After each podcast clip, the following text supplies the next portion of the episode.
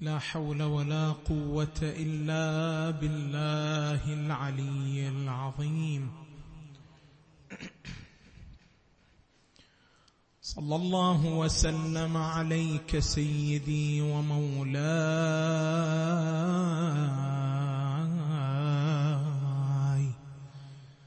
يا أبا عبد الله. صلى الله عليك وعلى جدك وأبيك وأمك وأخيك والتسعة المعصومين بنيك. يا ليتنا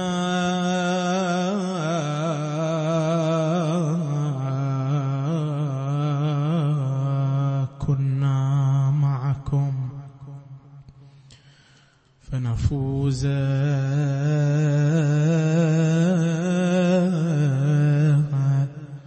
والله فوزا عظيما.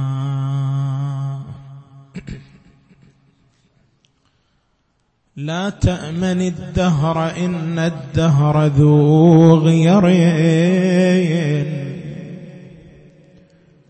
وذو لسان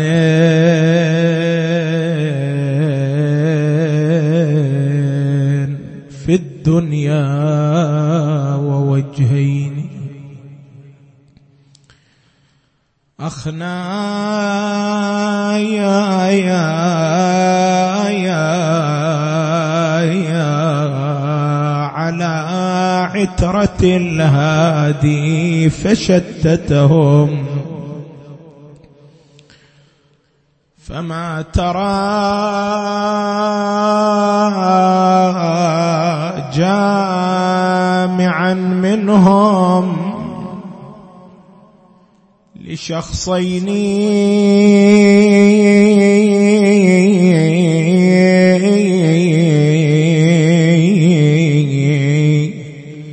بعض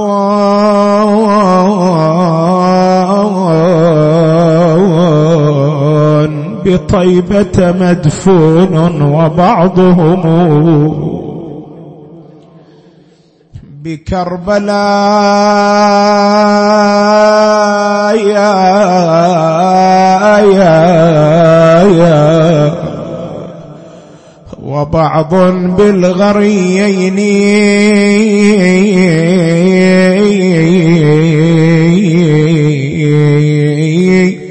وأرض طوس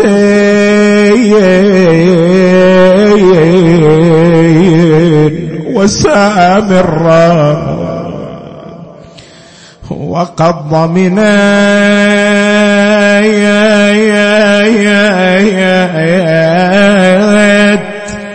بغداد بدر حلا وسط قبرين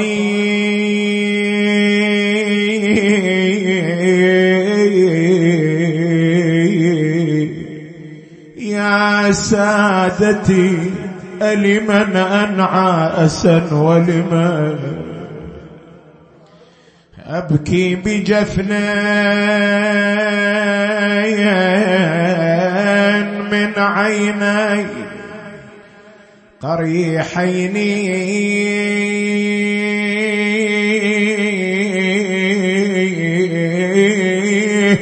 أبكي على الحسن المسموم مضطهدا. الأيام أيام والمصيبة مصيبة. أبكي على الحسن المسموم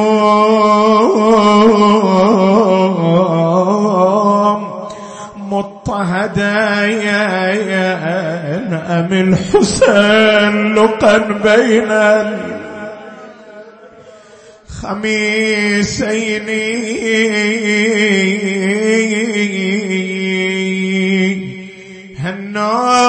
هالنوح يا زهراء على منهم بنوحي ناحج على المسموم من ناحج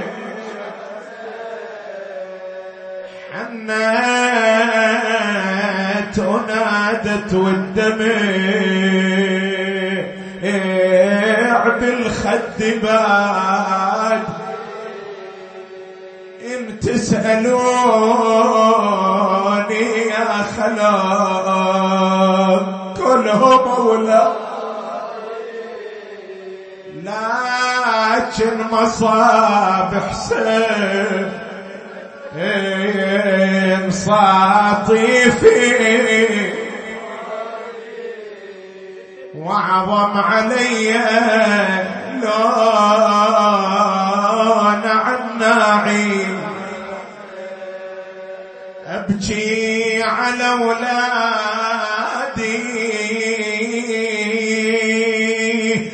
مصايب يوم عاشور وأني نصبت لهم عزاء في وسط لقب. ونسيت طلع اللي بصير الباب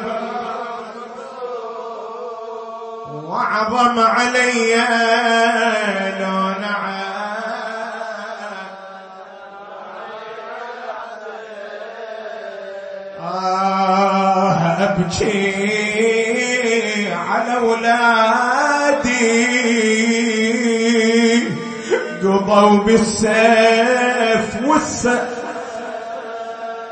وابكي على ابوهم قتيل لابن ملجم يلا وياي وإن كان بالله تسألوا.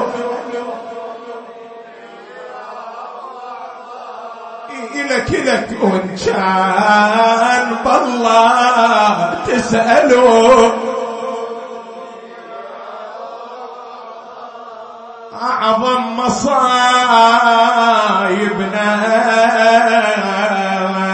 علينا لا تحسبوني للرضا. يلا الأيام جاية لا تحسبوني للرضا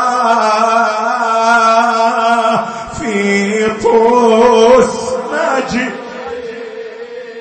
ولا إلى بغداد ما رحت وتعب أنا كلهم عليهم نوحت والجيب. آه أنا كلهم عليهم نوحي لكن أعظم علي لو نعم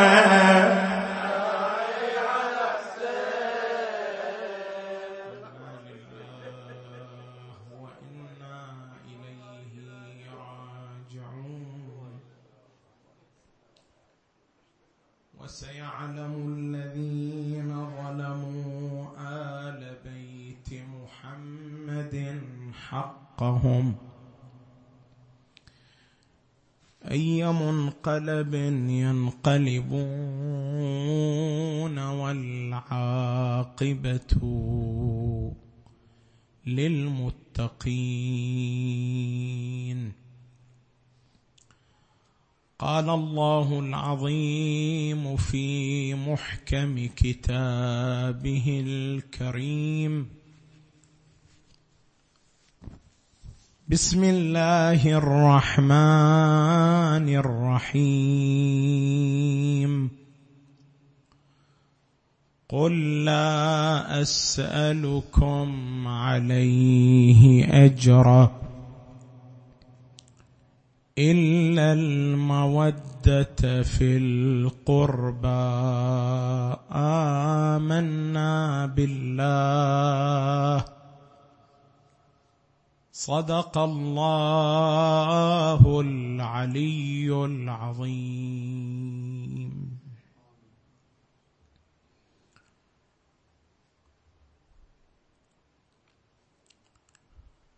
المفرده الثانية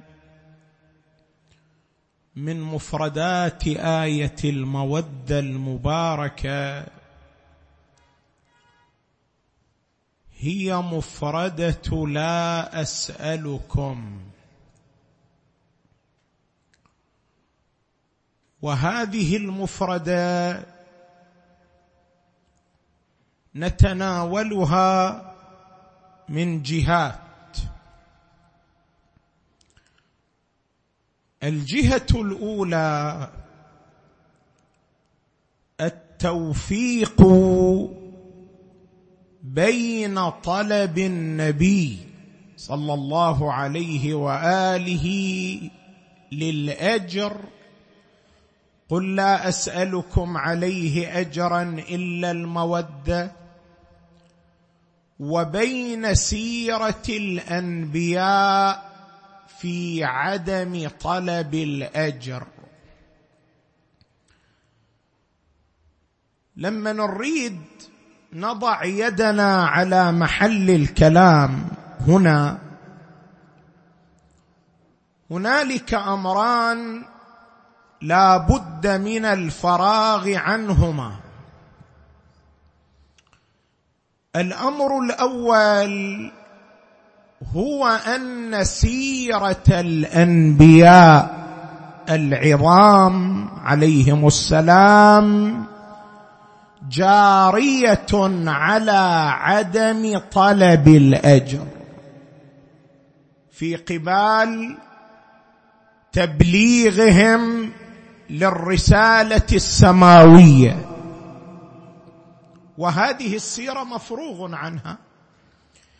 انت لما ترجع إلى سورة الشعراء مثلا سورة الشعراء اشتملت على آية قرآنية. وما اسالكم عليه من اجر ان اجري الا على رب العالمين. هذه آية قرآنية لكن تكررت في سورة الشعراء خمس مرات. مر على لسان نبي الله نوح عليه السلام. مر على لسان نبي الله هود. مر على لسان نبي الله صالح. مر رابع على لسان نبي الله شعيب. مره خامسه على لسان نبي الله لوط. كلهم كانوا يتحدثون بلسان واحد. وما اسالكم عليه من اجر ان اجري الا على رب العالمين سيره الانبياء على ذلك.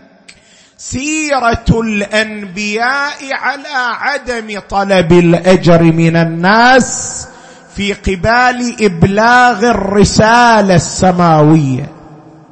بل القران الكريم. يشهد بأن نفس النبي صلى الله عليه وآله نفس النبي الأعظم قد صرح بأنه لا يطلب اجرا على تبليغه لرسالة السماء. شو يقول القرآن؟ قل ما أسألكم عليه من أجر وما أنا من المتكلفين. النبي أيضا يقول قل ما اسالكم عليه من اجر وما أنا من المتكلفين. اذا القرآن من أوله إلى آخره يشهد بأن الأنبياء العظام ما كانوا يطلبون اجرا. في قبال تبليغهم لرسالة السماء. ليش؟ ليش الأنبياء ما يطلبون اجرا في قبال تبليغ الرسالة السماوية؟ لأمرين. الأمر الأول هو أن الأجر إنما هو عبارة عن الثمن الذي يقدم لإنسان إزاء عمل معين يقدمه. أنا عندي أجير أستأجره أستخدمه أستفيد منه في مقابل استخدامي له واستفادتي منه. ماذا؟ أعطيه اجرا. الأجر ثمن من قبل المؤجر. في قبال الاستخدام في قبال الاستفادة. زين نجي إلى الأنبياء عليهم السلام. عملوا وبلغوا وجاهدوا. ولكن هذا العمل الذي قدموه هذا العمل قدموه لأجل الله ولأن الله سبحانه وتعالى قد طلب منهم ذلك. أو لأن الناس قد طلبوا منهم ذلك. وين الجهة المستفيدة؟ أين الجهة المستخدمة بعبارة دقيقة؟ الجهه المستخدمة الناس لو الجهة المستخدمة هي الله. الجهه المستخدمة هي ماذا؟ هي الله. فمن الطبيعي أن لا يكون أجرهم على الناس وإنما أجرهم على الله سبحانه وتعالى لأن الله هو الجهة المستخدمه لهم. إذا الأمر الأول ليش الأنبياء لا يطلبون أجرا من الناس؟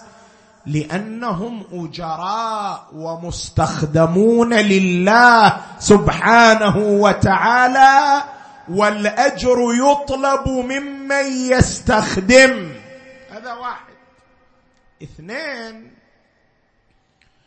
لأن الأنبياء عليهم السلام وظيفتهم إبلاغ رسالة الله بجميع تفاصيلها وبجميع جزئياتها وبجميع دقائقها. رضي من رضي وغضب من غضب. وظيفة الأنبياء هي هذه. إبلاغ الشريعة السماوية كاملة وإن كانت على خلاف أهواء الناس ورغبات الناس. فلو كان النبي مستاجرا لجهة معينة بحيث يتقاضى الأجر منها فإن تقاضي الأجر من جهة معينة يجعل النبي راعي ماذا؟ تلك الجهة. فإذا كانت إذا كان إبلاغ الشريعة السماوية يتقاطع يتعارض مع مصلحة تلك الجهة فإن النبي يضطر ماذا؟ أن يقف ولا يبلغ حتى لا يتعرض أجره إلى مصادرة يتعرض أجره إلى مقاطعة.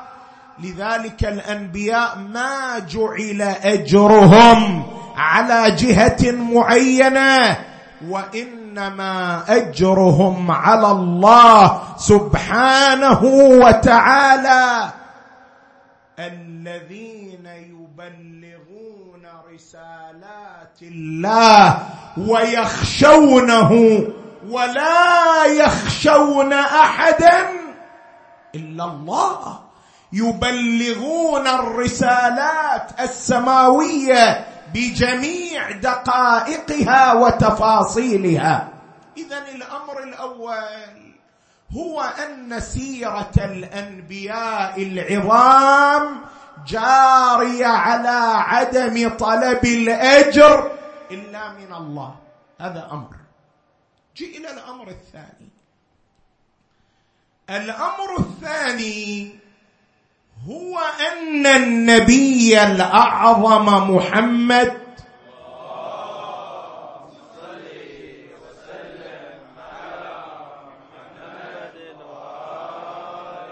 صلى الله عليه وآله قد طلب الأجر على رسالته. وين طلب الأجر على رسالته؟ طلب الأجر على رسالته في موضعين. الموضع الأول قل لا أسألكم عليه أجرا إلا المودة في القربى هنا النبي صلى الله عليه وآله يصرح بطلب الأجر على رسالته. في آية المودة وهذا موضع. الموضع الثاني. قل ما أسألكم عليه من أجر إلا من شاء أن يتخذ إلى ربه سبيلا. النبي هنا أيضا يطلب الأجر في قبال رسالته صلى الله عليه وآله. اذا هناك موضعان في القرآن الكريم يشهدان بأن النبي صلى الله عليه وآله قد طلب الأجر على رسالته. إذا التفتنا لهذين الأمرين. نرجع إلى موضع البحث. كيف نوفق بين طلب النبي صلى الله عليه وآله للأجر على رسالته. وبين ماذا? سيرة الأنبياء العظام الجارية على عدم طلب الأجر. شلون نوفق بين هذا وبين هذا؟ لما نريد نجيب عن هذا التساؤل هنا مقدمة لا بد أن نفرغ منها. هذه المقدمة خلاصتها أن الاستثناء على قسمين. شوف الآية شنو قالت محل الكلام؟ قل لا أسألكم عليه أجرا إلا المودة في القربى عندنا استثناء. إلا إلا أداة استثناء. الاستثناء في اللغة العربية على قسمين. هنالك استثناء يعبر عنه الاستثناء المتصل وهناك استثناء يعبر عنه الاستثناء المنفصل. شو الفرق بين الاستثناء المتصل والاستثناء المنفصل؟ شوف إحنا كل جملة فيها استثناء. لابد يكون عندنا فيها مستثنى ومستثنى من وأداة استثناء. أنا لما أقول الآن جاء القوم إلا زيد جاء القوم إلا علي جاء القوم إلا محمد. جملة استثنائية. أكو بيها مستثنى وهو محمد وأكو بيها مستثنى من وهو ماذا؟ القوم. وعدنا أداة استثناء وهي إلا لمن المستثنى خلي بالك هذا حتى نروح إلى الآية. لمن المستثنى يكون من جنس المستثنى من يسموا الاستثناء ماذا؟ متصل. لمن المستثنى لا يكون من جنس المستثنى من يكون الاستثناء ماذا؟ منفصل. خل وضح إلى الآن أنت تقرأ في القرآن الكريم. فلبث في قومه ألف سنة إلا خمسين عاما. جملة شنو؟ استثنائية. جملة استثنائية. المستثنى منه ماذا؟ الألف سنة. المستثنى خمسون عاما. الخمسون عاما من جنس المستثنى منه لو من غير جنسه. من نفس الجنس. العام والسنوات. جنس واحد. اذا هذا الاستثناء يسموه استثناء متصل. وأكو عندنا استثناء منفصل. لا يسمعون فيها لغوا. من يجي القرآن يتحدث عن أهل الجنة. لا يسمعون فيها لغوا إلا سلاما. يعني بس يسمعوا سلام. زين هذا سلام من جنس اللغو أو من غير جنسه؟ من غير جنسه. اذا الاستثناء ماذا؟ منفصل وليس متصل. إذا إحنا الاستثناء عندنا قسمان متصل ومنفصل. نجي الآن إلى الآية حتى نجاوب عنها. شلون النبي يطلب الأجر على الرسالة يطلب الأجر على التبليغ والحال أن سيرة الأنبياء عليهم السلام جارية على ماذا؟ على عدم طلب الأجر.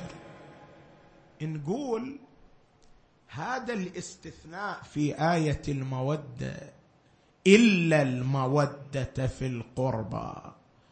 لو هو استثناء منفصل لو هو استثناء شنو؟ متصل. وعلى كلا التقديرين نجيب. إذا كان الاستثناء منفصل خب الجواب واضح بعد؟ لأن شنو يكون معنى الآية؟ يكون معنى الآية قل لا أسألكم عليه أجرا مطلقا. ولكن أسألكم ماذا؟ المودة في القربى ما جاي النبي يطلب منهم أجرا. الفرض أن المستثنى منه من جنس المستثنى المستثنى من جنس المستثنى منه لو من غير جنسه من غير جنسه استثناء منفصل. فإذا استثناء منفصل اذا النبي ما جاي يطلب منهم أجر وإنما يطلب منهم شيئا آخر. فهنا لا منافاة. سيرة الأنبياء على عدم طلب الأجر والنبي أيضا لم يطلب أجرا. قل لا أسألكم عليه أجرا. انتهى الكلام. إلا المودة في القربى. يعني ولكن أسألكم شيئا آخر. أنا الأجر لا أريد منكم. ولكن أسألكم شيئا آخر. أطلب منكم شيئا آخر. وهو المودة في القربى. كان الاستثناء منفصل. الجواب يكون واضحا. انجي إذا كان الاستثناء ماذا؟ متصل. وهنا الإعضال. قل لا أسألكم عليه أجرا إلا اجرا هو موده في القربى يعني طلب الأجر. شلون طلب الأجر؟ والحال أن سيرة الأنبياء قائمة على عدم طلب الأجر. الجواب عن ذلك في آية قرآنية. ما هي هذه الآية القرآنية؟ دقق عندي جيدا. قل ما سالتكم من اجر فهو لكم ان اجري الا على الله هاي الايه بها الجواب قل ما سالتكم من اجر فهو لكم اجري الا على الله شو تريد تقول هذه الآية؟ تريد تقول هذه الآية بأن الأجر أجران بأن الأجر قسمان. شلون أجران؟ القسم الأول الأجر الذي يطلبه النبي صلى الله عليه وآله لنفسه. خلينا نعبر عنه مصلحة شخصية. الأجر الذي يطلبه النبي لنفسه. هذا قسم. القسم الثاني الأجر الذي يطلبه النبي لمن؟ للناس لأتباعه وليس لنفسه. الآية القرآنية تقول قل ما سألتكم من أجر فهو لكم. هذا يا نوع من الأجر. أجر يطلبه لنفسه لو للناس. أجر يطلبه للناس. أما الأجر الذي يطلبه لنفسه شي يقول عنه؟ إن أجري إلا على الله. اذا الآية القرآنية تقول أكو عندنا نوعان من الأجر.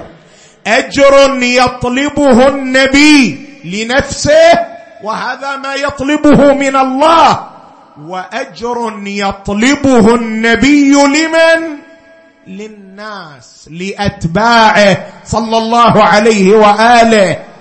زين انجي إلى الآيتين اللتين طلب فيهما النبي الأجر. خلي بالك وياي. الأجر الذي طلبه النبي في الآيتين من الأجر الذي يطلبه لنفسه أو من الأجر الذي يطلبه للناس. تعال خلينا نرجع للآيتين. قل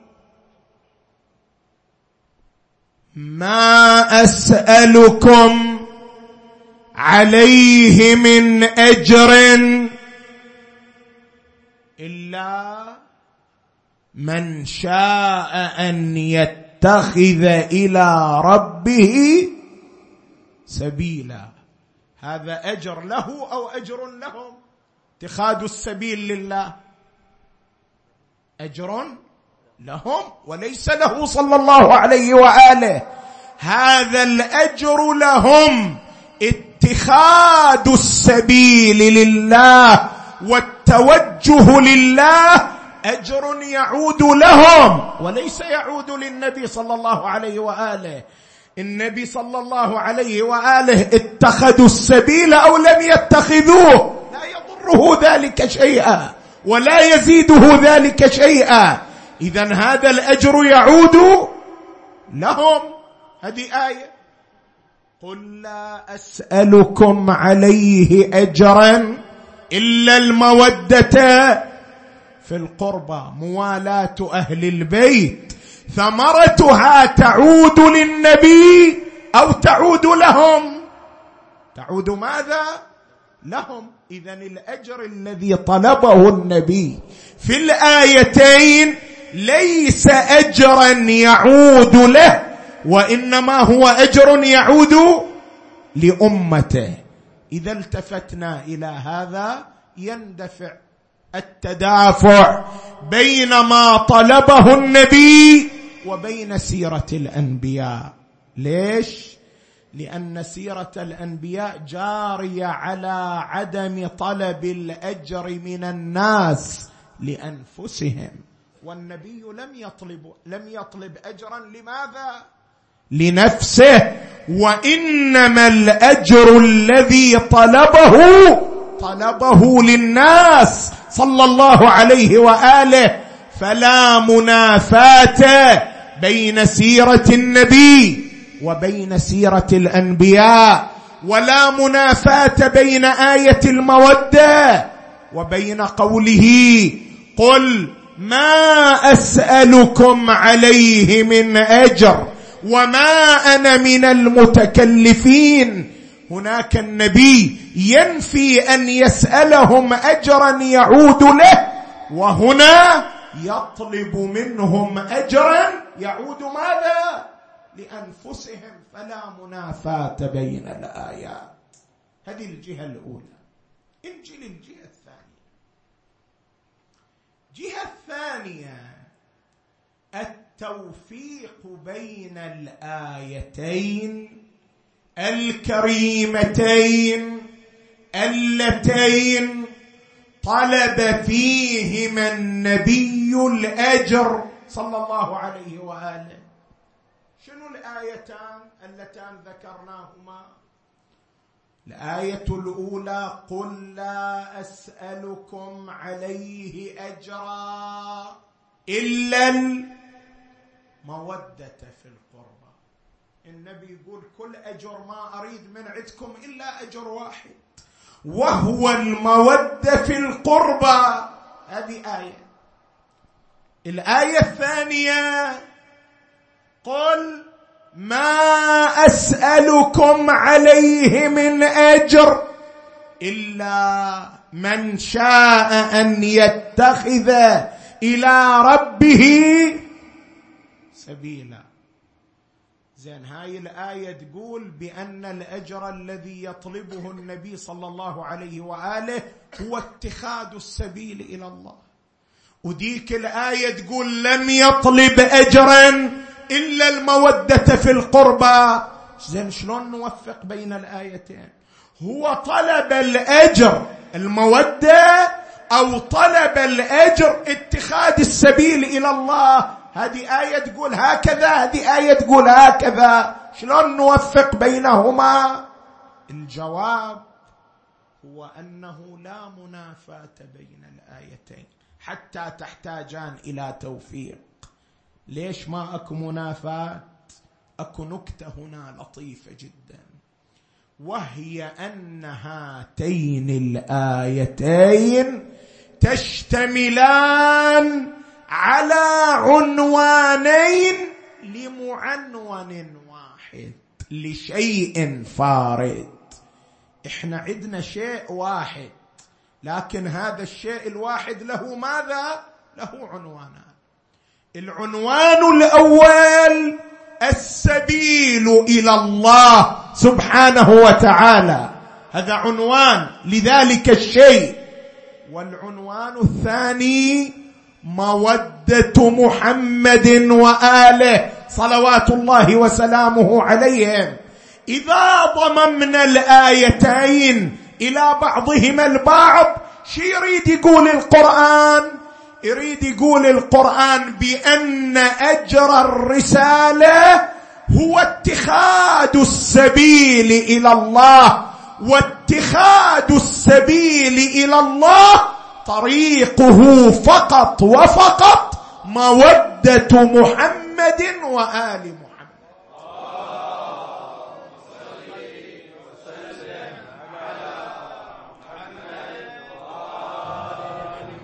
على ذلك شي يصير مضمون آية المودة؟ يصير مضمون آية المودة هو نفسه مضمون حديث السفينة. إنما مثل أهل بيتي كسفينة نوح. من ركبها نجا. ومن أعرض عنها غرق وهوى. يكون مضمون آية المودة هو نفسه مضمون حديث الثقلين. إني تارك فيكم الثقلين. كتاب الله وعترتي أهل بيتي. ما إن تمسكتم بهما لن تضلوا بعدي. أبدا. اذا عندنا طريق واحد. سبيل إلى الله سبيل واحد وهو مودة أهل البيت وموالاة أهل البيت. فلا منافاة بين الآيتين بل بينهما تمام الانسجام وتمام التلاؤم. ما قل ما أسألكم عليه من أجر إلا من شاء أن يتخذ إلى ربه سبيلا. لكن هذا السبيل ما هو؟ تجي آية المودة تبينه. قل لا أسألكم عليه أجرا إلا المودة في القربى فالمودة في القربى هي السبيل إلى الله سبحانه. لكن هناك من ضيع هذا السبيل. هناك من ضيع هذا السبيل. ويزعم أنه مرتبط بالله. يزعم أنه مرتبط بالله ولكنه ضيع السبيل إلى الله. أعظم من الخوارج؟ الخوارج اللي يتعبدون الليل والأسحار ويصومون النهار. لكن السبيل كان سبيل غير صحيح. سبيل غير صحيح. أأشركت يا حسن؟ كما أشرك أبوك. هذه الكلمة ممن صدرت من الخوارج المتعبدين في الأسحار متهجدين أصحاب اللحى الطويلة الذين يصومون أيامهم. ولكن ضيعوا السبيل إلى الله بترك مودة أهل البيت. أأشركت يا حسن؟ كما أشرك أبوك. إيش قد هاي كلمة قاسية؟ متى قيلت هذه الكلمة للإمام الحسن؟ قيلت هذه الكلمة للإمام المظلوم لما عقد الصلح مع معاوية. واعترض الخوارج على قرار الإمام الحسن عليه السلام. لا حبا في الإمام الحسن ولكن بغضا منهم لمعاوية. اعترضوا على الإمام الحسن عليه السلام وصاروا يخططون لاغتيال الإمام عليه السلام. إلى أن انفردوا به في منطقة مظلم صابات وين هذه مظلم صابات منطقة قريبة من المدائن. هناك الإمام بأبي وأمي جعلوا له خيمة. نزل الإمام في تلك الخيمة. تقول الرواية فهجم الخوارج على خيمة الإمام. وسحبوا الفراش من تحته وقال له القائل أأشركت يا حسن؟ كما أشرك أبوك من قبل ثم طعنه بمغول في فخذه. الضبط هنا في الكتب التاريخية يختلف. اكو بعض الروايات تقول ثم طعنه بمعول. معول هاي الأداة التي تستخدم لحراثه الأرض. لكن الضبط الأكثر في الكتب التاريخية ثم طعنه بمغول. المغول شنو؟ المغول هو السيف الدقيق. الذي يخترق الشيء بنفاد سريع. تقول الرواية ثم طعنه بمغول. ما أدري تتحمل أقول حتى وصل إلى عظم فخده. وأكو رواية أخرى هذه تألمك شوية. الرواية تقول حتى وصل المغول إلى أربيته. تدري يعني شنو الأربية؟ الأربية هي منطقة أعلى الفخذ المنطقة اللي بين الفخذ وبين البطن. وضعوا ذلك المعول في في فخذ الإمام عليه السلام. فاخترق فخذ الإمام إلى أن وصل إلى أربيته. وشالوا امامك الحسن شالوه على الأعناق بأبي وأمي. والدماء تسيل من فخذه المبارك. مولاي أبا محمد طعنه واحدة طعنه واحدة. لكن أنت قايل قايل لا يوم كيومك يا أبا. طعنة واحدة أبكت عيون شيعتك إذا كيف بهم لو رأوا من اجتمعت عليه ألف وتسعمائة ضربة وطعنة؟ سيدي أبا محمد طعنة في فخذك آلمت قلوبنا. لكن من نجي نقرأ عن أبي عبد الله شو تقول الروايات؟ فطعنه سنان بن أنس في ترقوته. تدري الترقوة وين عزيزي؟ ترقوة هاي المنطقة التي تكون أعلى الصدر. وين هذه المنطقة التي لا عظم فيها؟ بين العنق وبين الصدر. طعنه سنان بن أنس فيها واكتفى اكتفى بهذه الطعنة. ما اكتفى. أخذ الرمح شال من الترقوة المعذرة شيعة وطعن الحسين في بواني صدره. بواني صدره يعني شنو؟ يعني العظام الأمامية من الصدر. العظام الأمامية ما أدري تحملت. طعن بالرمح فيها سهم مثلث اخترقها خيل أعوجية طحنتها. وصار شبيح بيه من المنية. ألفنا بلا بجسمه وتسع مي. وقف تبتنا بالبلغة.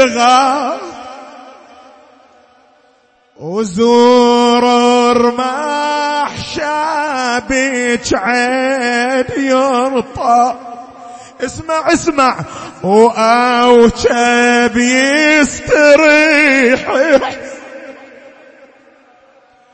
بهض حالة وثقل بس. اعذرني أقول رن الحجر. وحسيناه ورن الحجر من وجه بشعر ودمه مثل ما يلعب وشال حسين ثوبه. صلى الله عليك أبا عبد الله. ما رحنا بعيد عن أيام عاشوراء. وشالي حسين ثوب. المعذرة المعذرة ولنساه من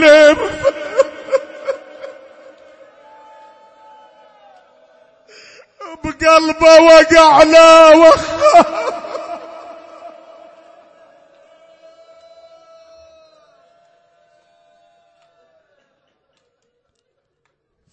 فهوى العرش للثرى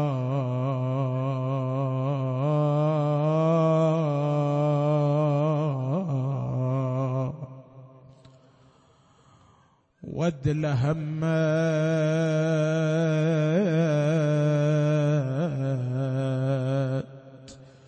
برماد المصاب منها النواحي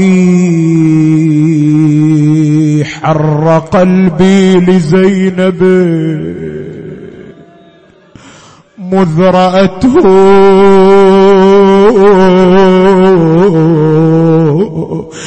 ترب الجسم مثخنا بالجراح.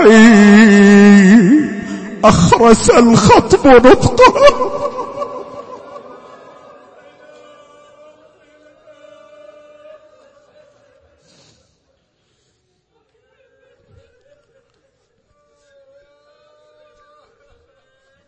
نسألك وندعوك بالحسين الوجيه وجده وأبيه وأمه وأخيه والتسعة المعصومين. فرج عنا بتعجيل فرج مولانا صاحب العصر والزمان. اجعلنا من أنصاره وأعوانه. ومقوية سلطانه والمستشهدين تحت يديه بين يديه وتحت لوائه. اللهم بحقه وبحق آبائه فرج هموم المهمومين واقض حوائج المحتاجين واشف مرضى المؤمنات والمؤمنين وفك الأسرى والمسجونين واحفظ مراجع الدين والعلماء العاملين وإلى موت العلماء الأعلام والمؤسسين والحاضرين والمؤمنين والمؤمنات نهدي للجميع ثواب الفاتحة تسبقها الصلوات.